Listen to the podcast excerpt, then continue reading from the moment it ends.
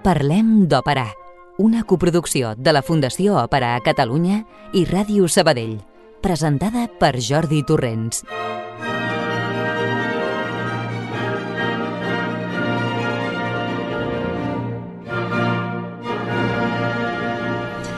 Hola, estimats amics i amigues oients, nens i nenes, com esteu? Suposo que molt bé, i ara que ja han passat una mica de fred, amb un cutis terç i fi, oi que sí? Bé, bromes a banda, heus així que ja hem arribat al darrer programa del mes de gener, cinc dies abans de fi de mes, però ja veieu que això és com una carrera, no de fons, sinó de velocitat. Anem, doncs, transitant pel 2023 en pas ferm, tot explicant-vos coses i sobretot fent-vos sentir música que esperem trobeu molt interessant. Roger Benet, al control de so i qui us parla, Jordi Torrents, us donem una cordial benvinguda.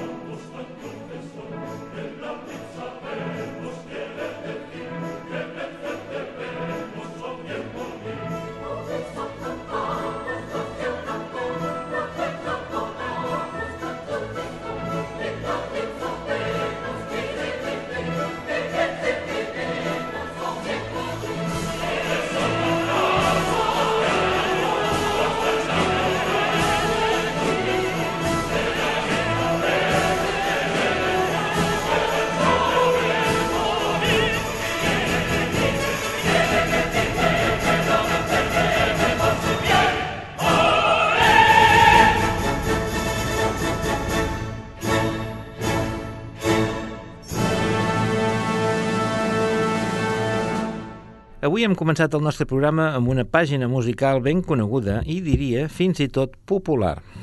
Efectivament, aquesta jota de l'acte primer de la Dolores de Tomàs Bretón és una de les partitures més famoses i apreciades de la música espanyola. No em direu que no és bonica, eh? La sentíem a la versió de l'Orquestra Simfònica de Barcelona i Nacional de Catalunya i el cor del Gran Teatre del Liceu sota la batuta d'Antoni Ros Marbà. I sentíem també les veus d'Elisabeth Matos, Dolores, Raquel Pierotti Gaspara, Manuel Lanza Melchor, Santiago Calderón, el cantador de la Jota, i Tito Beltrán Celemín. La Dolores, ja sabeu, aquella de la qual diuen, obro cometes, Si vas a Calatayud, pregunta por la Dolores, que és una xica muy guapa i amiga de hacer favores. Tanco cometes. I no és una sarsuela, si és el que esteu pensant. No, és una òpera amb totes les de la llei. Òpera espanyola en tres actes, Música i llibret de Tomàs Bretón, estrenada el 16 de març de 1895 en el Teatre de la Zarzuela de Madrid. La trama es basa en el drama de l'autor català, amic de Bretón, Josep Feliu i Codina, nascut a Barcelona el 1845 i mort a Madrid el 1897. Autor tant en català com en castellà, La Dolores, que en versió teatral es va estrenar a Barcelona, en el Teatre Novedades el 10 de novembre de 1892 amb gran èxit i amb la gran actriu Maria Guerrero com a protagonista. Eh, sembla que el mite de la Dolores té un rerefons de veritat, doncs s'inspira en Maria de los Dolores, peinador Narbion, nascuda a Calatayud el 1819 i morta a Madrid el 1894. Si bé la història que explica aquesta òpera no té res a veure amb la veritable biografia d'aquesta senyora Dolores. I us preguntareu per què us estic explicant tot això al voltant de l'òpera de Breton. Doncs fàcil. En el programa d'avui us vull explicar com començo el 2023 pel que fa a òpera, en definitiva. El que hi haurà hagut durant el mes de gener. Gener sol ser un mes en què, no sé per quina raó, no tinc mai gaire òpera en la meva agenda, a diferència de febrer quan la tindré molt apretada. Per la Dolores forma part del que hauré vist. Fixeu-vos que dic que hauré vist i no pas he vist, perquè avui som dijous 26 de gener i no serà fins demà, divendres 27, que aniré a una representació d'aquesta òpera en el madrileny Teatre de la Zarzuela, on entre demà i el 12 de febrer es presenta una nova producció de La Dolores, que, com hem dit, es va estrenar en aquest teatre el 1895, però que des del 1937 no s'hi representa. En el Liceu s'hi ha representat en diverses ocasions, tantes com 11 sèries de funcions des de començaments de 1916 fins al febrer de 1975, la darrera vegada. I us diré que la protagonista fou la nostra estimada Mirna la Cambra, secundada per grans noms de la lírica nacional com Pedro la Virgen, Vicente Sardinero, Joan Pons i Dalmau González. Dirigí l'orquestra Gerardo Pérez Busqué i l'escena Antoni Xic. Bé, la qüestió és que tinc moltes ganes de veure aquesta producció de Madrid i en parlarem després de sentir un altre fragment d'aquesta òpera, de l'acte segon, Què hacer, senyor, en situació tan ruda, en Plácido Domingo com a Lázaro.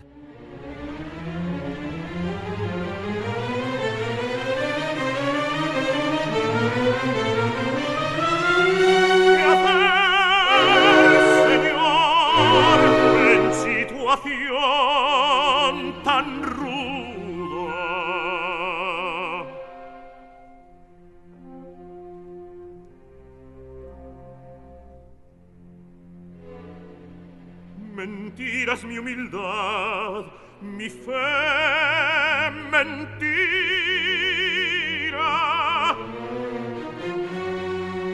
Pasión más violenta que la que inspiras tú, me inunda.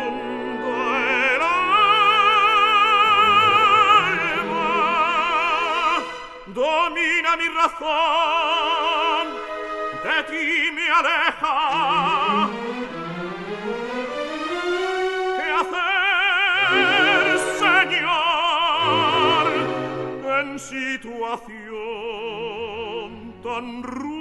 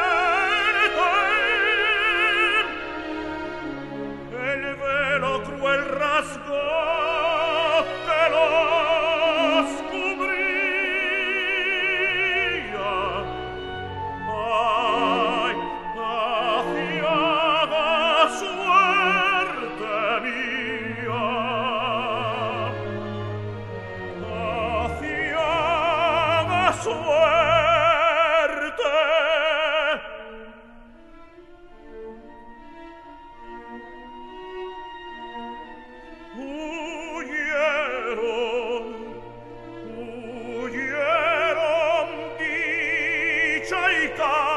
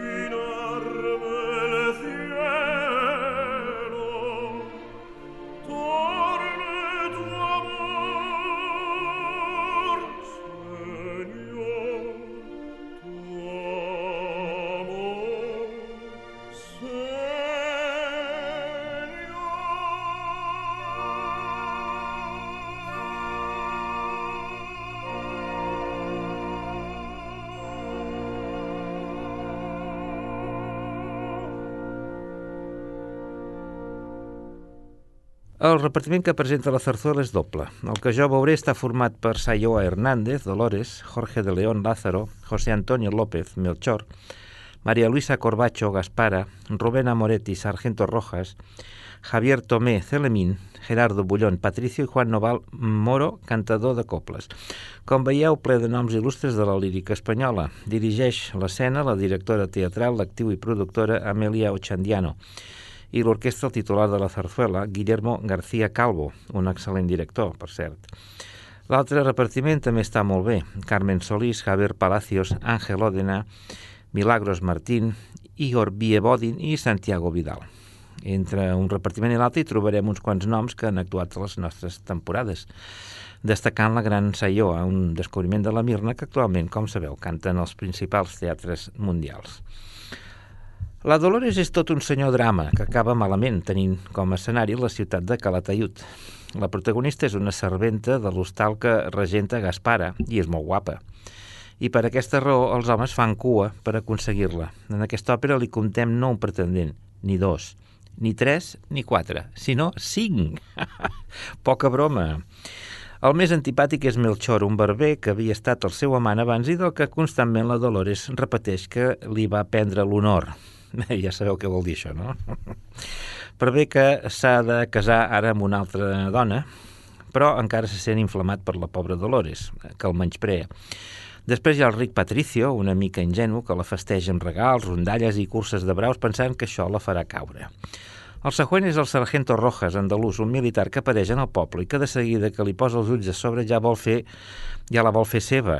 Eh? La seva actitud em recorda una mica la del sergent Belcore de l'Elisir d'Amore. Sembla que deu ser cosa de sergents, això. És un home xulesc i arrogant que es pensa que s'ha de menjar el món i sort en té que el salven en el darrer moment que el toro l'enxampi i en faci mandonguilles. Hi ha també Celemín, un noi del poble, però que demostra ser el més assenyat i té clar que Dolores no és per ell, i per tant es limita a admirar-la i estimar-la de lluny. Finalment, el més inesperat és el jove Lázaro, fillol de Gaspara i seminarista. Va per capellà, però sembla que fa temps que està boig per la Dolores.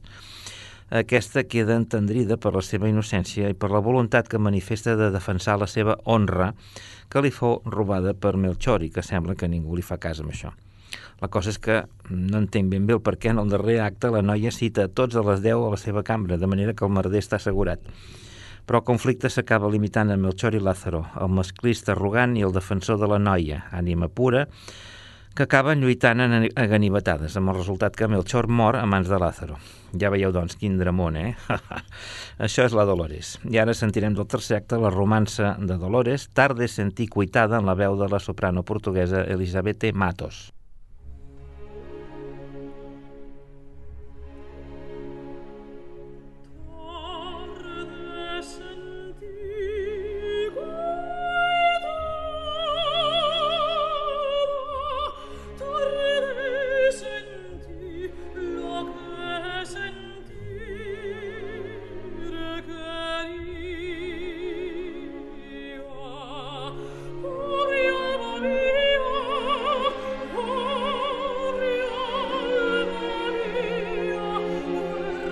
us.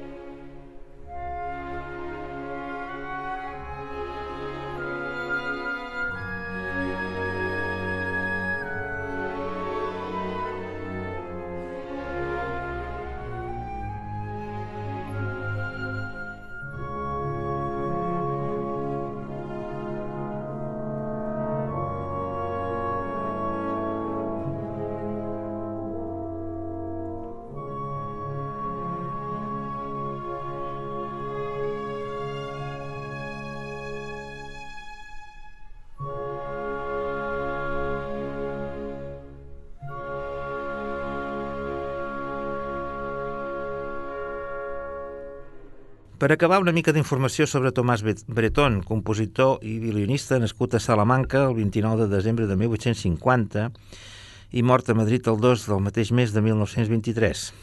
Aquest any es commemora precisament el centenari de la seva mort i d'aquí la nova producció a la Zarzuela. Als 16 anys es va traslladar a la capital on fou alumne de Rieta en el conservatori. Entre el 1881 i el 1884 amplià estudis, becat per l'Acadèmia de Belles Artes de San Fernando a Roma, Milà, Viena i París. Breton fou el principal defensor de la necessitat de crear una òpera nacional espanyola. Recordareu que fa dues setmanes parlàvem de Felip Pedrell, que pensava el mateix, i ell mateix eh, hi va contribuir amb set títols. A banda de la Dolores, les més conegudes són Guzmán el Bueno, estrenada en el Teatre Polo de Madrid el 1877, Los Amantes de Teruel, un gran èxit estrenat al Real el 1889, i Garín, de temàtica catalana, que inclou una sardana en la partitura, per exemple, estrenada en el Liceu el 1892. També és autor de nombroses sarsueles i al cap de la fi la seva obra més coneguda és un seinet en un acte, o sigui, Género Chico. La verbena de la Paloma, estrenada el 1894 a l'Apolo de Madrid. Parlem d'òpera. A Ràdio Sabadell.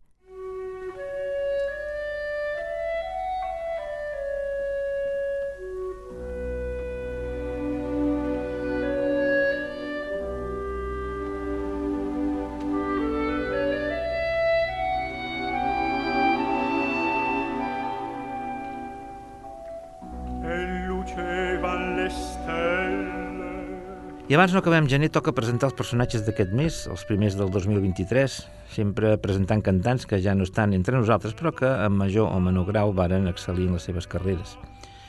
I avui començarem per un baix italià molt conegut en la seva època, que era un dels capdavanters de la seva corda. Parlem de Tancredi Pasero, nascut eh, l'11 de gener de 1893 a Turí, on va estudiar i va debutar el 1917 a Maïda, però el seu veritable debut, segons la seva pròpia opinió, es va produir l'any següent a Vicenza, cantant el paper de Rodolfo, de la sonàmbula de Bellini. Aviat repetiria el rol, però aquest cop a l'escala, que fou la seva seu principal durant la seva carrera, on Toscanini el va contractar per a papers importants. I fou el primer baix entre el 1926 i el 1952.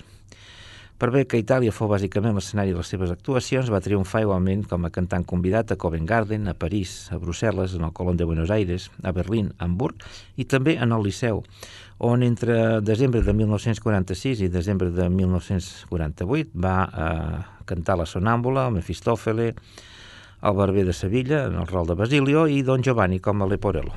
Per cert, deixeu-me agrair públicament l'encomiable labor del mestre Jaume Tribó, el mític apuntador del Liceu, per l'elaboració dels anals del teatre a disposició de tothom a internet, d'on es pot extreure la informació valuosíssima per a aquests programes nostres. Seguim, doncs, ara amb Tancredi Passero, que entre el 1929 i el 1933 també va formar part de la companyia del Met de Nova York, on hi va aparèixer amb els grans papers de baix del repertori italià.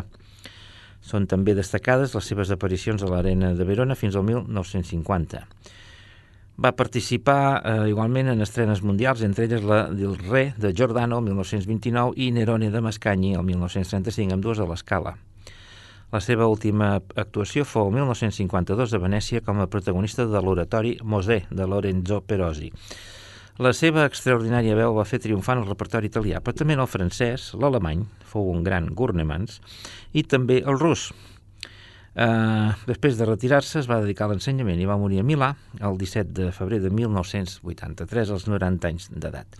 I ara el sentirem com a Zaccaria de Nabucco, Vieni o Levita, amb l'orquestra de l'escala dirigida per Antonio Sabino. És del 1942.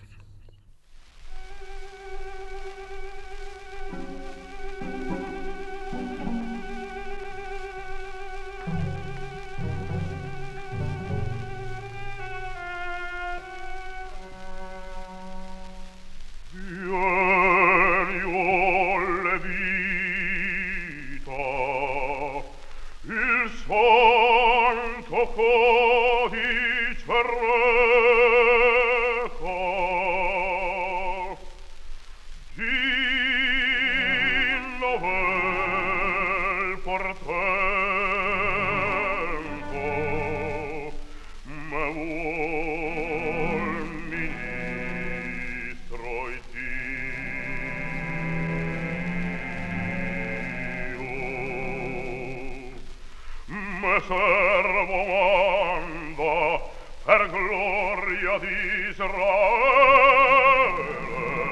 le tenebre squartò.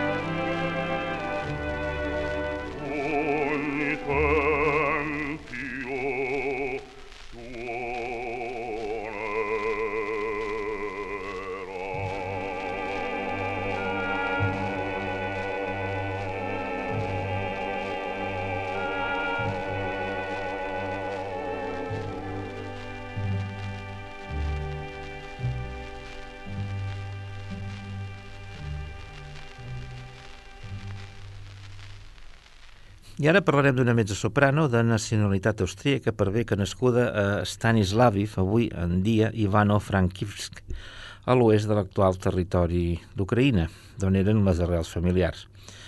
Parlem d'Ira Malaniuk, que va néixer el 29 de gener de 1919. Va estudiar al Lvov, a Leòpolis, també com en diuen, amb el famós baix polonès Adamo Didur. Les seves primeres experiències foren a Lvov i a Varsòvia, però poc abans de la guerra es va traslladar a Viena per estudiar amb Anna bar Mildenburg, que havia cantat a la capital austríaca en els temps de Mahler. El seu debut en escena fou a Graz, el 1945, on va romandre fins al 1947, agafant experiència. Tot seguit va passar a Zúrich, mentre li arribaven oportunitats de cantar com a convidada a Múnich. Des del 1951 va cantar Bayreuth, dirigida per Karajan i Napperbusch, i el seu debut fou amb l'Àfrica de Das Rheingold, i fou de darrer minut sense haver-se estudiat el rol, però se'n va sortir, cantant en el temple wagnerià per diversos anys. El 1956 va començar la seva col·laboració amb l'Òpera de Viena, que va durar fins al 1973, cantant tot un seguit de primers rols, però també acceptant de cantar-ne alguns de menors. També va actuar a l'Escala, a l'anell wagnerià dirigida per Furbengle, a Covent Garden, a l'Òpera de París, a la de Monte Carlo, al Festival de Salzburg, on hi va aparèixer regularment entre el 1956 i el 1964 i va cantar la primera funció a Europa de la Vanessa de Samuel Barber. També va cantar en el Liceu, en tres ocasions. Gener de 1950 fou Marina a Boris Godunov. Gener de 1958 fou Octaviana de Rosencavalier i també Dorabella a Così fan tutte. Els últims anys de la seva carrera els va passar a la Volksoper de Viena cantant tant òpera com opereta. Del 1970 al 1991 va ensenyar en el Conservatori de Graz i de Maleaniuk. Va morir el 25 de febrer de 2009, als 90 anys d'edat, a Zirl, en el Tirol. I ara us convido a sentir-la com a Sesto la Clemenza di Tito de Mozart. Ve per questo istante solo amb l'Orquestra de l'Òpera de Viena sota la direcció de Hans Swarovski.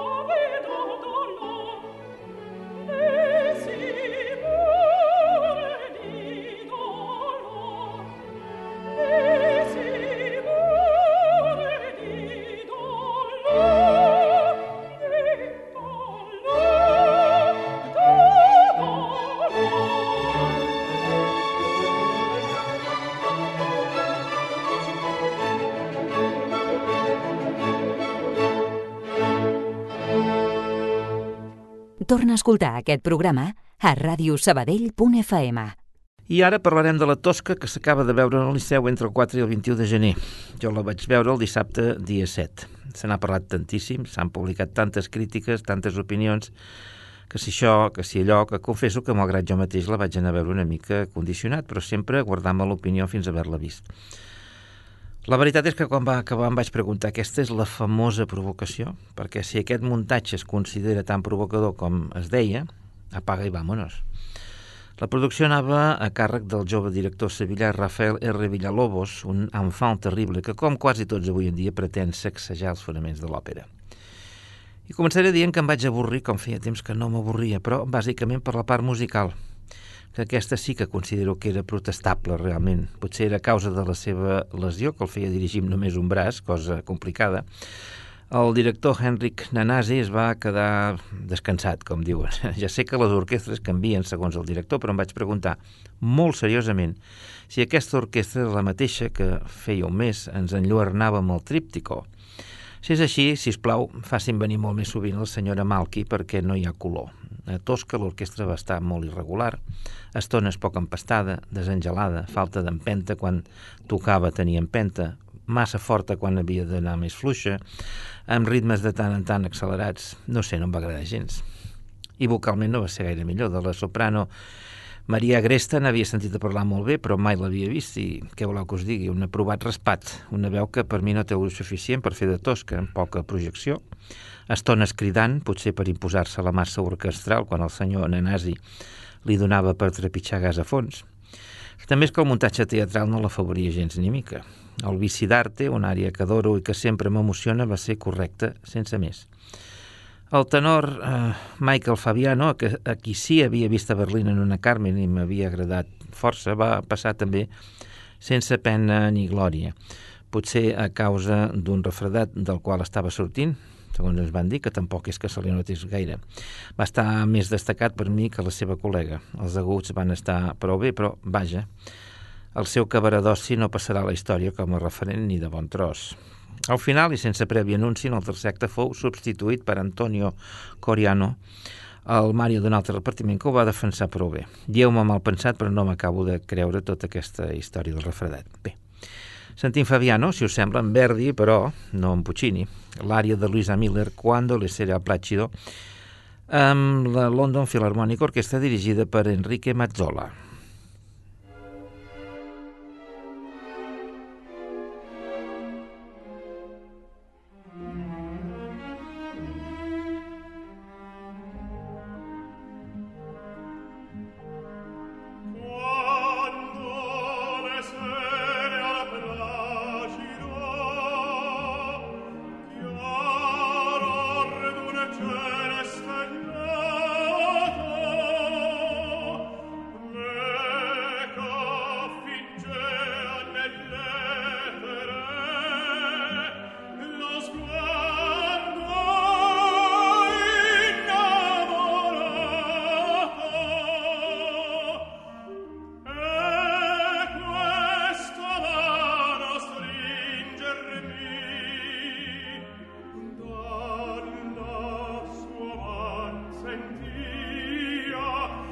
questa mano stringermi dalla sua man senti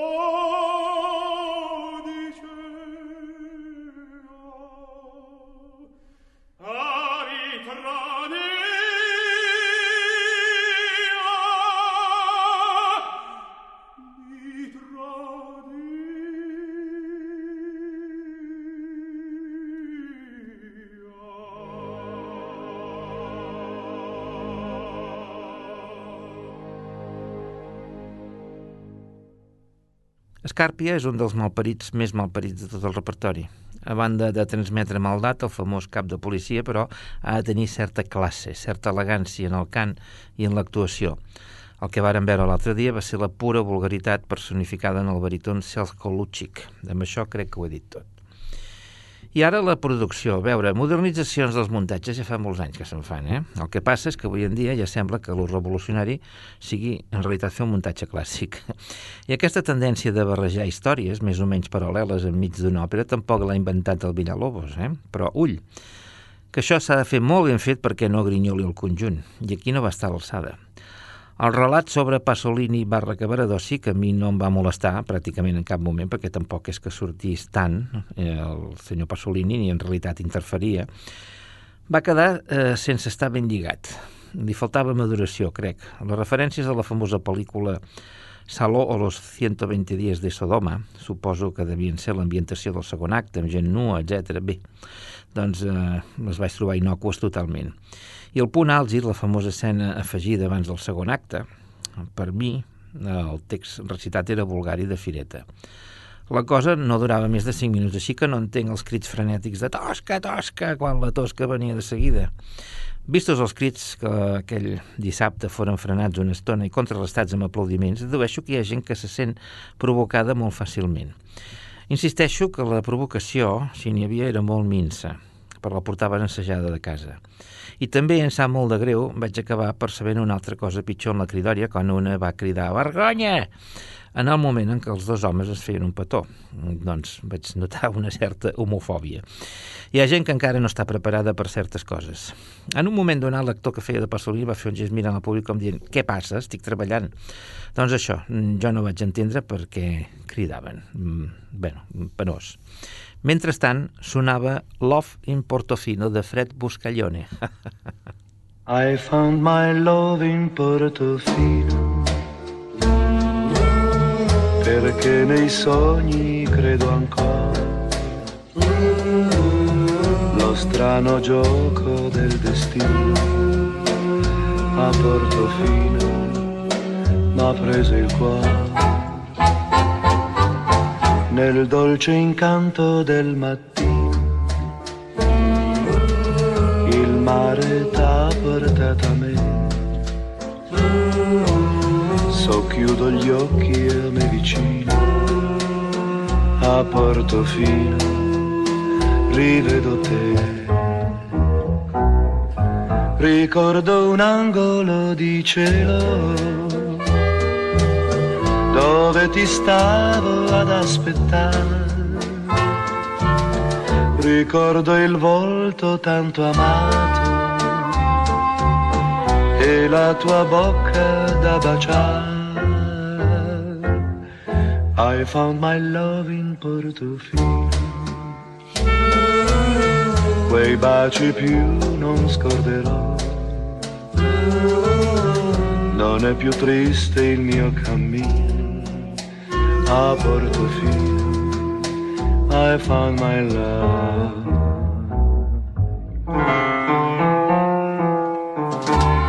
I found my love in Portofino Down in the small Italian bay. And everything was so dear in Portofino I found my way. The sun was shining as my feet, and so my words were just a few. I closed my eyes, and so did she. Portofino, I still see you. There was a place made just for lovers.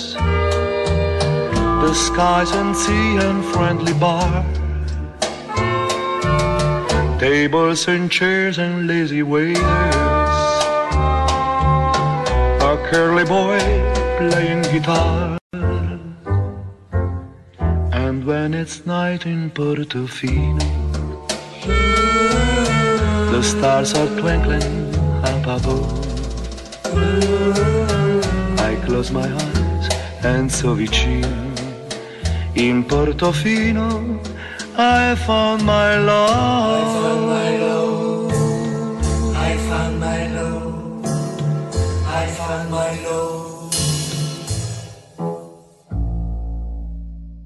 El que passa és que La Tosca és una òpera que conté certs punts neuràlgics que la caracteritzen.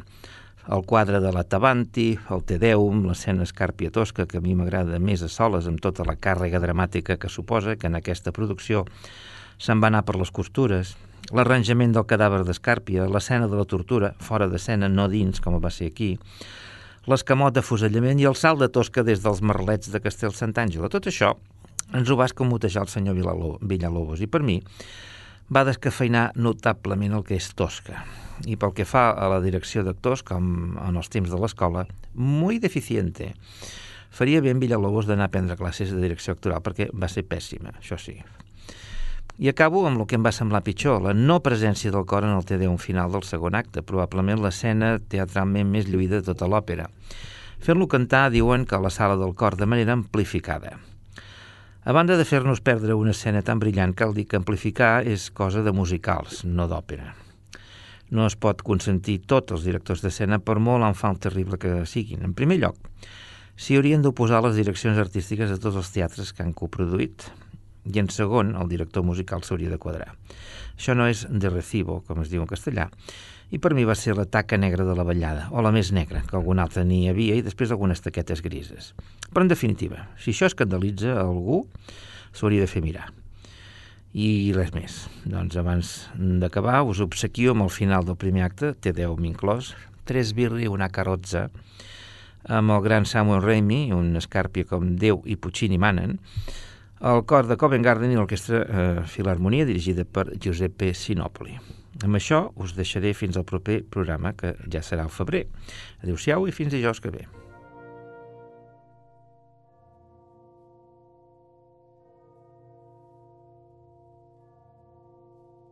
Resbirri una carrozza, presto, seguila dovunque vada, non visto, provvedi sta bene il convegno.